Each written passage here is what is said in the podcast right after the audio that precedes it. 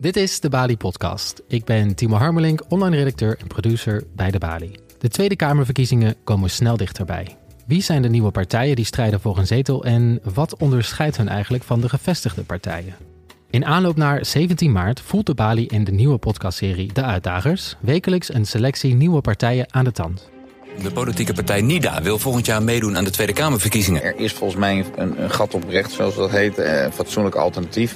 Een van de nieuwe partijen die mee wil gaan doen aan de komende Tweede Kamerverkiezingen is Volt. De democratie verkeert in zwaar weer. Code oranje dus, vinden de oprichters van een nieuwe politieke beweging. Dus uh, de verkiezingen komen er weer aan. Uh, we gaan weer een poging doen. Met vandaag Sylvana Simons van Bijeen.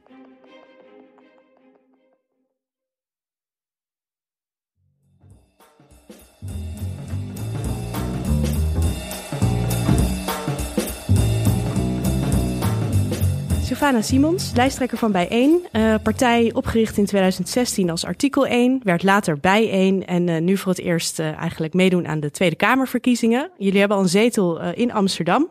En ook in de peilingen staan jullie nu op één zetel. Dat moet een fijn gevoel zijn, denk ik. Ja, als je erin staat zijn het hele geweldige peilingen. En als je er niet in staat, dan doen ze er niet zoveel toe. ja, precies. Zo werkt dat. gaan we het allemaal over hebben. Maar eerst ga ik een aantal stellingen voorleggen. Ja. En daar mag je kort op reageren.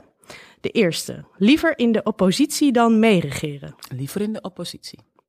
Wij zijn de enige linkse partij van Nederland. Ja. Ik ga het meeste stemmen weghalen bij. Partij van de Arbeid, GroenLinks en SP.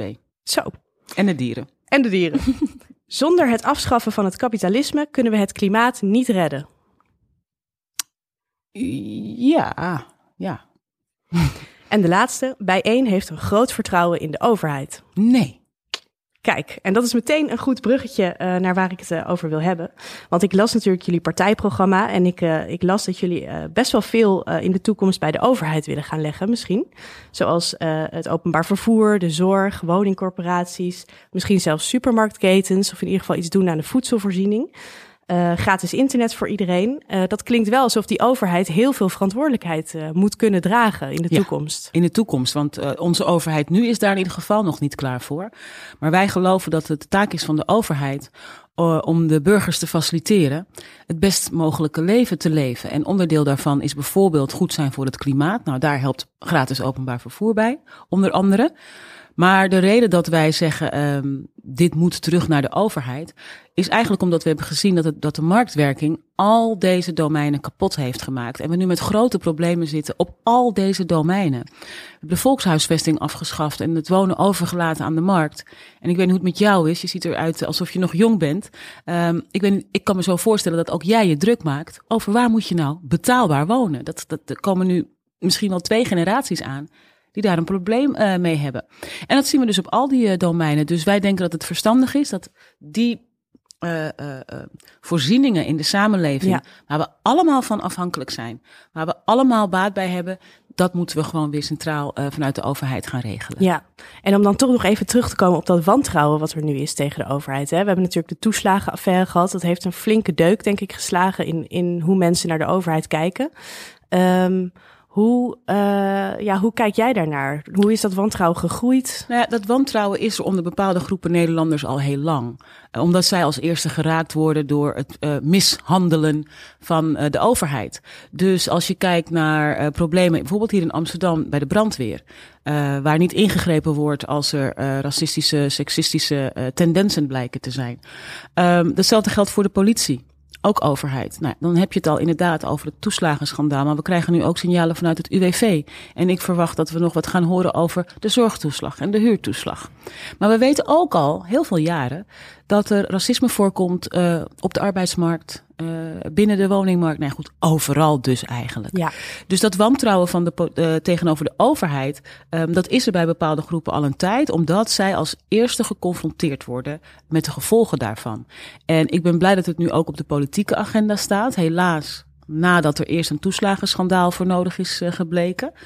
Um, maar um, die relatie zal uh, hersteld moeten worden. En dat kan alleen als de overheid haar handelen gaat aanpassen. En haar verantwoordelijkheid gaat nemen voor die plekken waar het misgaat. Ja, en hoe zou je dat uh, uh, concreet kunnen maken? Dus heeft dat te maken met, met bepaalde mensen op bepaalde plekken in, ja. de, in de overheid? Ook daar zul je weer op verschillende niveaus moeten ingrijpen.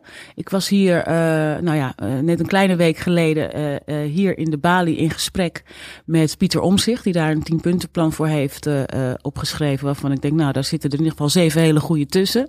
Uh, en over de rest kun je praten over de uitvoering. Maar ik denk dat het gaat om drie dingen. Het gaat om schoon schip maken. Uh, het gaat om uh, nieuw beleid vormgeven. En dat nieuwe beleid ook handhaven. En wat ons betreft kan dat heel goed in het ministerie van Gelijkwaardigheid. Uh, dat toeziet op gelijkwaardigheid in al haar vormen. Dus het gaat over kleur, over gender, over uh, uh, nou ja, bijvoorbeeld de loonkloof die er nog steeds is tussen man en vrouw. Um, maar je moet er wel echt werk van maken. Dus je moet er wel in investeren. Je moet het in ieder geval willen. Ja, en zo'n ministerie van gelijkwaardigheid, ben je dan niet bang dat het dan weer geclusterd wordt op één één gebiedje? Hoe zorg je dan dat je in al die haarvaten zit? Daar zijn we dus zelf, uh, in ieder geval als Kamer, denk ik ook uh, verantwoordelijk voor. Om ervoor te zorgen dat dat zo breed mogelijk gebeurt, zodat iedereen mee kan doen. en dat gaat van. Um, Kijk, sommige dingen hoef je niet, sommige wielen hoef je niet opnieuw uit te vinden. We hebben al heel veel wetgeving en uh, die, die, die mensen zou moeten beschermen. Maar die wetgeving moet wel nageleefd worden, zeker door de wetgever zelf. En dat moet je dus handhaven. Maar als we bijvoorbeeld kijken naar mensen met een beperking. Uh, veel Nederlanders denken van, nou, hier in Nederland is alles wel goed geregeld. En uh, we vinden mensen met een beperking niet minder waardig. Maar Nederland heeft nog steeds het VN-verdrag handicap niet geratificeerd. En, en, en, en leeft het al zeker niet na. Ja, dat zijn dingen, daar moet echt aandacht voor komen. Wat we in het verleden hebben gezien is dat er een participatiewet is ontworpen om participatie af te dwingen. Ik geloof daar niet in. Ik geloof dat je participatie faciliteert, dat je het mogelijk maakt. En dat dat, dat dus begint bij de oprechte wil dat iedereen kan meedoen. Je hoeft mensen niet te dwingen. Uh, je moet ze de gelegenheid geven om het op eigen kracht te kunnen doen.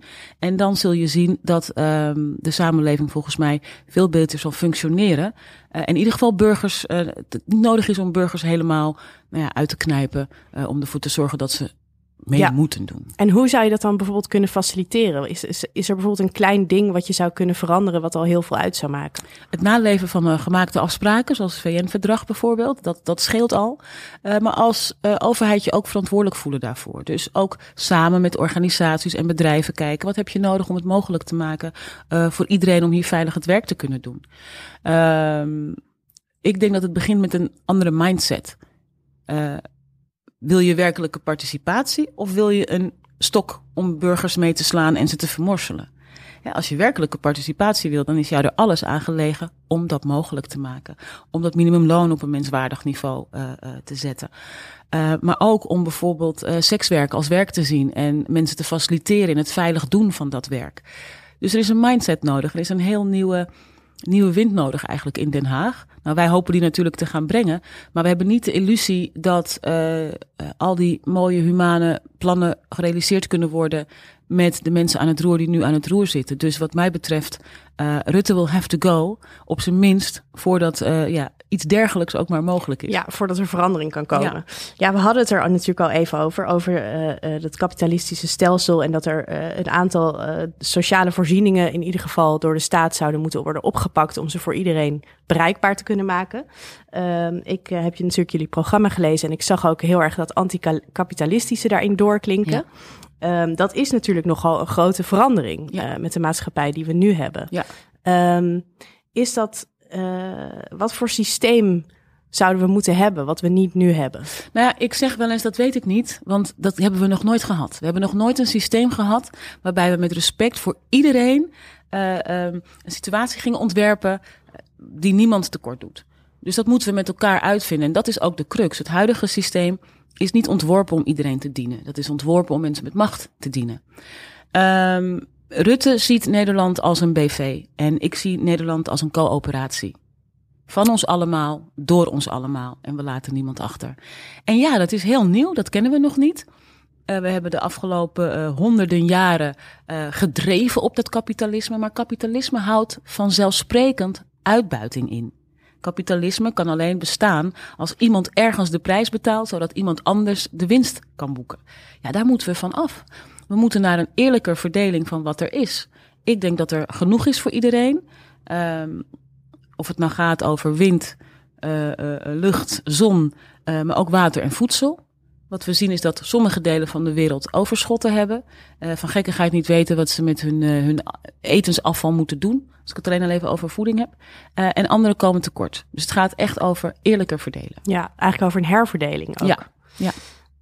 Um, is dat wel iets wat Nederland in zijn eentje zou kunnen doen? Moet dat op Europees niveau? Is dat, wat zijn de ambities? Nou ja, uh, ik denk niet dat we het alleen kunnen doen. Ik denk dat we uh, met Europa moeten samenwerken, maar dat we globaal moeten denken. Want ons handelen hier heeft invloed op uh, de bossen in Zuid-Amerika. Dus het is geen enkel Nederlands probleem. En de oplossing ligt ook niet enkel bij Nederland. Dus dan moet je samenwerken met uh, met iedereen zou ik haast willen zeggen. Maar ook daar is een mindset voor nodig. Het is niet zo, want ik hoor deze vraag heel vaak. En um, vaak bedoelen mensen ook van waarom zouden wij dan wat doen? Want ja, wie zijn wij in ons We zijn eentje? toch maar klein. We zijn toch ja. maar klein. Maar we zijn groot als het gaat om vervuilen. We zijn groot als het gaat om verbruik van uh, fossiele brandstoffen. We zijn groot als het gaat om uh, importeren, exporteren, door de lucht vervoeren. Uh, ja, vervuiling, daar zijn we groot in zolang we ons niet verantwoordelijk voelen voor de hele planeet, ja, dan gaat het niet lukken. En we vragen die solidariteit natuurlijk ook aan anderen. Dus uh, uh, andere partijen in andere landen vechten ook voor deze belangen. En we zullen dat samen moeten doen. Um, ik denk wel dat het goed is om je te realiseren hoe groot de impact is. Dus dat gaat op consumentenniveau. Uh, elk kopje koffie, uh, nou, daar zit wat liter water achter wat je niet ziet, bijvoorbeeld. Uh, Import-export zit erachter. Um, maar als je nou kijkt naar het feit dat in Nederland nog zoveel geld naar de fossiele industrie gaat.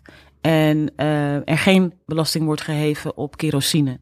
En we heel graag nog meer vliegvelden willen en nog, weer, nog meer vliegverkeer. Ja, dat is een verantwoordelijkheid die we echt wel bij Ja. onszelf uh, moeten zoeken. Ja. Ja. Ja, vaak als het gaat over klimaatmaatregelen, dan, uh, dan gaat het ook vaak om, om dingen duurder maken. Bijvoorbeeld vliegen, maar ook vlees. En nou ja, allemaal bijvoorbeeld true pricing is ook een Ja. groot onderdeel. Van je moet echt betalen wat het, wat het echt kost. Dus Ja. inderdaad, die koffie waar je het net over had, van betaal die koffieboer eerlijk. En dan maakt, dat maakt de wereld een stukje beter. Maar de vraag is dan natuurlijk altijd, hoe zorg je ervoor dat dan de consument niet de prijs moet betalen? Ja, ik vind dat ook heel terecht. Want het is heel makkelijk om te denken, we maken van alles duurder. Maar dat betekent in de praktijk vaak dat het slechts onbereikbaarder wordt voor een kleine groep. Uh, of misschien wel een grote groep. Uh, maar voor mensen die het kunnen betalen, maakt het natuurlijk helemaal niks uit die euro extra. Ik heb dat in Amsterdam ook vaak bepleit. We kunnen de parkeertarieven in Amsterdam wel naar 25 euro per uur brengen. Maar als ik een dikke auto heb, uh, omdat ik dat kan betalen, dan denk ik ja, vervelend. Maar ik kan het wel betalen, terwijl de stad dan onbereikbaar blijft voor gewone mensen. En zo is het natuurlijk precies met deze maatregelen. Dus wij zeggen bijvoorbeeld, in plaats van vlees duurder maken, waarom maak je groente en fruit niet goedkoper? Want als je het ene product duurder maakt, dan sluit je misschien mensen uit. Maar als je het andere product goedkoper maakt, dan maak je het aantrekkelijker voor iedereen. Uh, dus we proberen op die manier uh, altijd ook de factor gelijkwaardigheid en rechtvaardigheid mee te wegen. Ja, ja interessant. Um, ik uh, zat ook te denken, jullie lijken qua klimaat best op de Partij van de Dieren. En qua sociale maatregelen zitten jullie best dicht bij de SP. Is dat dan ook iets uh, waarvan jullie denken, daar kunnen we mee gaan samenwerken? Nou ja, je zult met alle partijen uh, moeten willen. Nou ja, niet alle partijen, maar in ieder geval met de partijen op links, de niet-rechtse en extreemrechtse partijen, samenwerken in de Kamer. Anders bereik je niks. Hè. We zijn echt natuurlijk een, een land van coalitietjes tegenover de grote coalitie. Dus ik hoop dat we, dat, we, dat we met hen uh, goed kunnen samenwerken. Dat hebben we in Amsterdam ook gedaan. En uh, ja, dat is altijd goed voor links. Ja, en je hebt in Amsterdam natuurlijk best wel veel bereikt met een kleine partij. Uh, ik heb het hier even opgeschreven. Uh, jullie hebben uh, white privilege trainingen doorgevoerd. Speelde een grote rol bij het excuses aanbieden ook voor het slavernijverleden en het uitroepen van de klimaatcrisis. Um, wat heb je allemaal geleerd eigenlijk in de afgelopen jaren in Amsterdam, wat je nu meeneemt naar Den Haag? Nou ja, hoe groot de impact van politiek is op het persoonlijke leven. Ik denk dat je dat nooit mag vergeten als volksvertegenwoordiger. We kunnen dagenlang vergaderen in een zaaltje en onze meningen heen en weer gooien. En dat zijn ook maar onze meningen. Maar we staan daar voor de mensen die op ons gestemd hebben. En uh, we hebben bijvoorbeeld ook in Amsterdam een uh, voor elkaar gekregen dat er steunpunten komen voor alleenstaande moeders.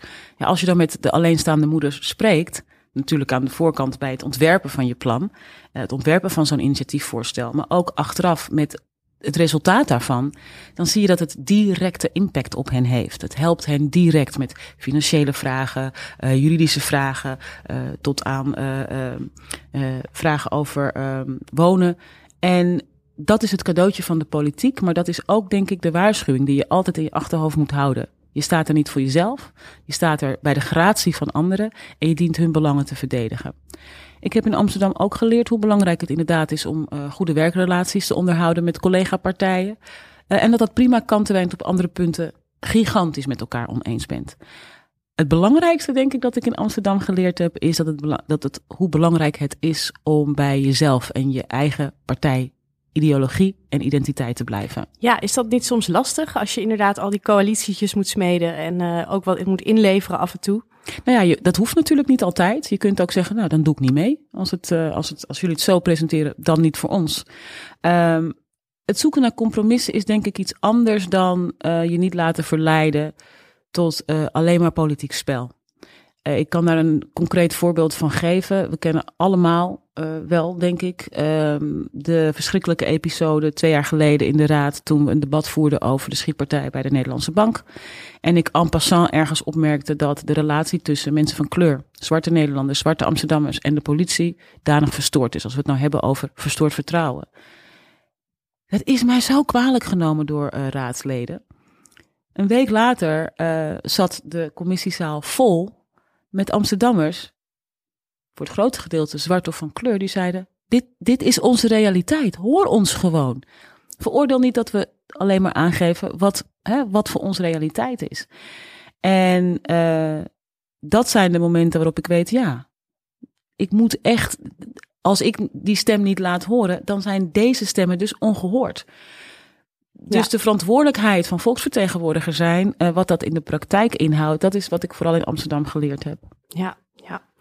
Um, ik zit ook even te denken, ik ben natuurlijk ook een vrouw, dus ik heb ook even goed gekeken naar, naar jullie vrouwenparagraaf. En uh, ik was wel benieuwd, want jullie hebben ook concrete voorstellen voor uh, bijvoorbeeld mensen betalen voor huishoudelijk werk en mantelzorg. En om dat, dat eerlijker te maken en ook menstruatieverlof. Um, en toen zat ik te denken, helpt dat vrouwen nou juist of niet. Want menstruatieverlof bedoel je? Ja, want ik zat te denken van, gaan bedrijven dan niet denken, nou, vrouwen moeten al met zwangerschapsverlof en dan ja, moeten ze ook nog met wat. menstruatieverlof. Ja. Dan maar geen vrouw erbij. Ja, nou ja, het vervelende is dat we dus gewend zijn zo te denken. Laten we maar niet het juiste doen om te voorkomen dat iemand andere het verkeerde doet of zo. We moeten van die gedachtegang af. Uh, het is niet zo met dit voorstel dat we zeggen dat alle vrouwen vijf tot acht dagen per maand uh, lekker gratis thuis moeten blijven zitten. En heel veel vrouwen hoeven dat helemaal niet, willen dat helemaal niet. Hebben helemaal geen last van die menstruatie. Prima. Maar als je naar je werk belt en je zegt: Ik ben ziek, ik menstrueer, dan zal negen van de tien keer de ander zeggen: Ja, nou, uh, dan kun je toch gewoon werken, neem een aspirintje. Maar er zijn vrouwen die er heel erg veel last van hebben. En het moet mogelijk zijn om gewoon eerlijk te zeggen: Ik heb last van mijn menstruatie. En daarom is het beter als ik een dagje thuis werk of thuis blijf. Um, het is echt gevaarlijk, denk ik, om. Dat is ook aan de orde geweest, bijvoorbeeld bij anoniem solliciteren. Dat is ook even in schwung geweest bij een aantal uh, sociale partijen. En denk, nee, hoezo moet je je, je identiteit thuis laten uh, om een baan te kunnen krijgen? Nee, we moeten het aanpakken aan de kant waar het probleem zit. En dat is inderdaad, hoe waarderen we werk en inzet?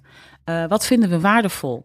Uh, kijken we alleen naar mensen als human resource, human capital, of kijken we naar mensen als in wat kunnen ze bijdragen? Want diezelfde mevrouw die misschien één of twee dagen wegens haar menstruatie niet goed kan functioneren en ook niet zou moeten hoeven, dat is eigenlijk wat, wat ik persoonlijk daar belangrijk aan vind, um, die is op andere momenten misschien drie keer zo productief. Dus um, ja, dus Lief, we moeten dat anders gaan zien. Liever eigenlijk. het juiste doen dan het verkeerde doen om te voorkomen dat andere mensen niet het verkeerde doen. Ja, dus dan moeten die bedrijven dat ook daarvan doordrongen zijn. Ja, er is, er is denk ik wel een, een, een attitudeomslag nodig. Überhaupt in, hè, je zei het ook al even, wij, wij pleiten ook voor het anders kijken naar wat is nou eigenlijk arbeid? En waar betalen we voor? Um, zoals Anja Meulenbelt heel mooi zegt heel vaak. In dit land vragen we van vrouwen om te werken alsof ze geen kinderen hebben en uh, kinderen op te voeden alsof ze niet werken. Um, als vrouwen thuiskomen van kantoor of een andere baan, uh, dan vindt, is het nog steeds zo dat zij voor het grootste gedeelte verantwoordelijk zijn voor het huishouden en alles wat er bij een huishouden komt kijken. Dat is echt meer dan koken en afwassen. Um, mantelzorg, ook zoiets. Ehm, het is wel makkelijk geweest, vind ik, van de overheid om te zeggen.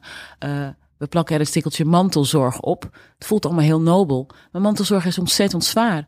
En uh, het is eigenlijk gewoon een vak. Als jij iemand verzorgt thuis, ik ken het uit mijn eigen omgeving. Ik denk af en toe, waar, je hebt gewoon een, een, een verpleegkundige opleiding nodig.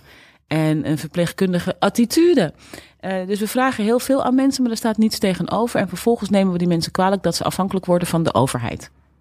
Ja. ja dus, dus, we, dus we creëren kwetsbaarheid. Uh, en dat gaan we dan daarna bestraffen.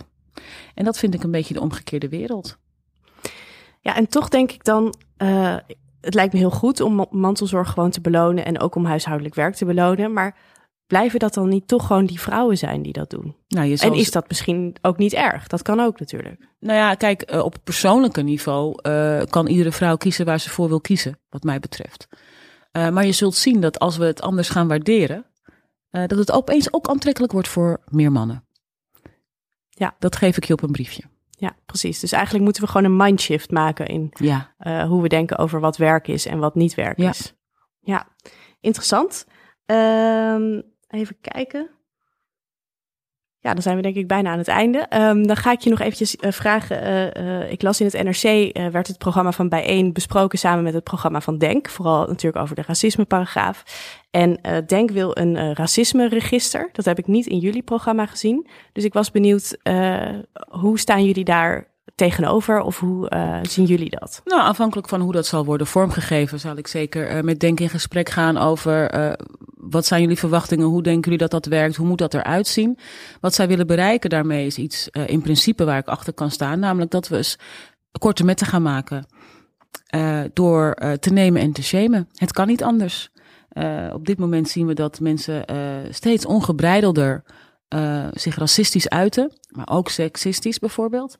Uh, en ik vind dat je zeker als overheid het goede voorbeeld moet geven en bijvoorbeeld niet moet samenwerken met dergelijke bedrijven. Uh, uitzendbureaus die uh, graag discrimineren en zeggen van ja, we kunnen wel iemand leveren als u zegt liever geen Turk, komt goed. Dus nou, dat zijn nou van die dingen waarvoor je samen om de tafel gaat zitten en zeggen in hoeverre kan ik me hier achter scharen en meetekenen. En ehm, de gedachte hierachter vind ik een goede. Ja, maar het is natuurlijk altijd inderdaad kijken hoe de uitvoering ja. uh, werkt. Um, je zei natuurlijk uh, liever in de oppositie dan meeregeren. Dat zal waarschijnlijk ook, uh, ook voor zo zijn als jullie een zetel krijgen. al weten we dat natuurlijk niet zeker. Maar ik was wel benieuwd, wat is nou het eerste waar je voor gaat proberen te lobbyen? Of een meerderheid voor, of een motie indienen? Ja, of heb je daar al vraag, dromen over? Ik krijg deze vraag natuurlijk heel vaak nu zo tijdens de ja. campagne. En afhankelijk van mijn moed zeg ik twee dingen die ik allebei meen. Het eerste is, um, zo werkt politiek niet. Politici die zeggen, zodra ik in de Kamer zit, ga ik dit regelen en dat regelen. Die liegen, want zo werkt politiek niet. Politiek gaat over het vinden van draagvlak. En als je met één, twee zetels in de Kamer bent, dan moet je gewoon heel hard werken om iedereen mee te krijgen uh, met hele goede ideeën. Uh, dus daarnaast zal, uh, zal ik, als ik met een kleine fractie de Kamer binnenkom, natuurlijk ook, uh, we hebben gewoon heel veel te leren. We zijn een onervaren partij. Dus ik ga hier ook niet beweren dat als wij uh, op 17 maart verkozen worden, dat op 20 maart alles anders is in dit land. Uh, we zullen onze weg moeten vinden, onze allianties moeten vinden, moeten netwerken. Maar een van de dingen waar ik absoluut op ga hameren, is dat we eens een keer de daad bij het woord voegen. En daar waar wij racisme bij de overheid tegenkomen, er gelijk mee afrekenen. Dus wat mij betreft, racisten bij het politiekorps, got to go. Weg. Helder. Racisten uh, bij de ambtenaren, weg. Dat is iets waar ik echt voor ga strijden. En uh, het zal geen makkelijke strijd worden, want het is een uh, impopulair standpunt. maar het is niet iets wat ik binnen twee weken voor elkaar heb gekregen. En ik wil altijd heel zuiver zijn tegen kiezers. Um, de media, zeker rond verkiezingstijd, heeft de neiging politiek te simplificeren. Maar het is een heel ingewikkeld spelletje. En elke politicus die zegt: stem op mij, dan gebeurt er dit of dat. Nee, dat is niet waar. Het enige wat een politicus kan doen, of je nou in de coalitie, nou ja, in de coalitie heb je iets meer macht, maar heb je alsnog de Kamer natuurlijk nodig. Uh, maar zeker in de Kamer. En dat is ook wat ik, waar ik altijd op hamer. Dat gaat niet over links of rechts. Het gaat over macht en tegenmacht. Wie er ook aan de macht is. Van mijn part is het een volledige GroenLinks-regering. De macht dient gecontroleerd te worden.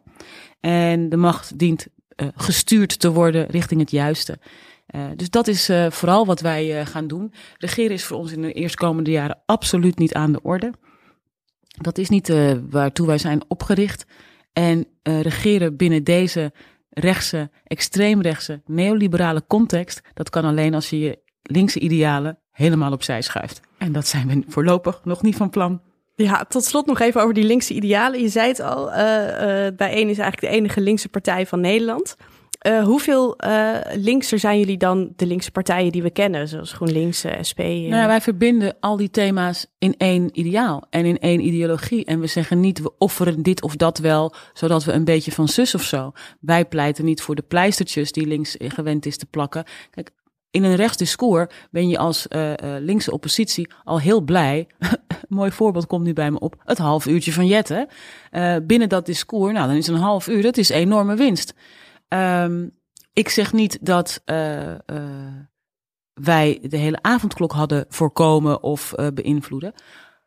Maar ons streven zal altijd verder gaan dan de rest. Ook omdat we al die thema's met elkaar verbinden. Dus er is geen prioriteit tussen de natuur of het klimaat. Dat, of um, de natuur of racisme. Dat gaat hand in hand, wat ons betreft. Um, ik kan inhoudelijke kritiek geven op, uh, op beide partijen. Maar um, ik denk dat het stemgedrag van de laatste jaren uh, heel goed heeft laten zien dat uh, antiracisme niet bovenaan de agenda van de SP staat. En de afgelopen week heeft ons laten zien dat Jesse Klaver het heel moeilijk vindt om uh, fascisme keihard af te wijzen. Nou, alleen al daarin zijn wij veel scherper, veel duidelijker. Um, dus ja, ik denk dat wij het beste van, van, van de rest zijn. Helder, ja. Nou, dan gaan we denk ik nu naar de 30 seconden pitch. Uh, dan mag je nog eventjes vertellen um, ja, waarom iedereen uh, op bijeen moet stemmen de komende verkiezingen. De coronacrisis heeft ons laten zien dat veel van de problemen die daarvoor al sluimerden, nu echt drastisch aangepakt moeten worden. Dat kan niet met het oude systemen, dat kan niet met de oude poppetjes die hetzelfde spel spelen. Het is tijd voor nieuwe politiek. Stem op bijeen. Een stem op bijeen is een stem op radicale gelijkwaardigheid en economische rechtvaardigheid. Het kan spannend zijn om je uit te spreken, maar je hoeft er niet bang voor te zijn. Lees ons verkiezingsprogramma of luister het via de website bijeen.org. En ik weet zeker, dan gaat je stem naar ons hoor. Spreek je uit, beken kleur, stem bijeen. Perfect. Nou, helemaal goed. Nou, dankjewel. Ja, jij ook bedankt. Ja, wat een leuk, uh, het gaat heel snel als het zo'n leuk gesprek is. Dit was De Uitdagers. Volgende week zijn we er gewoon weer. Tot dan.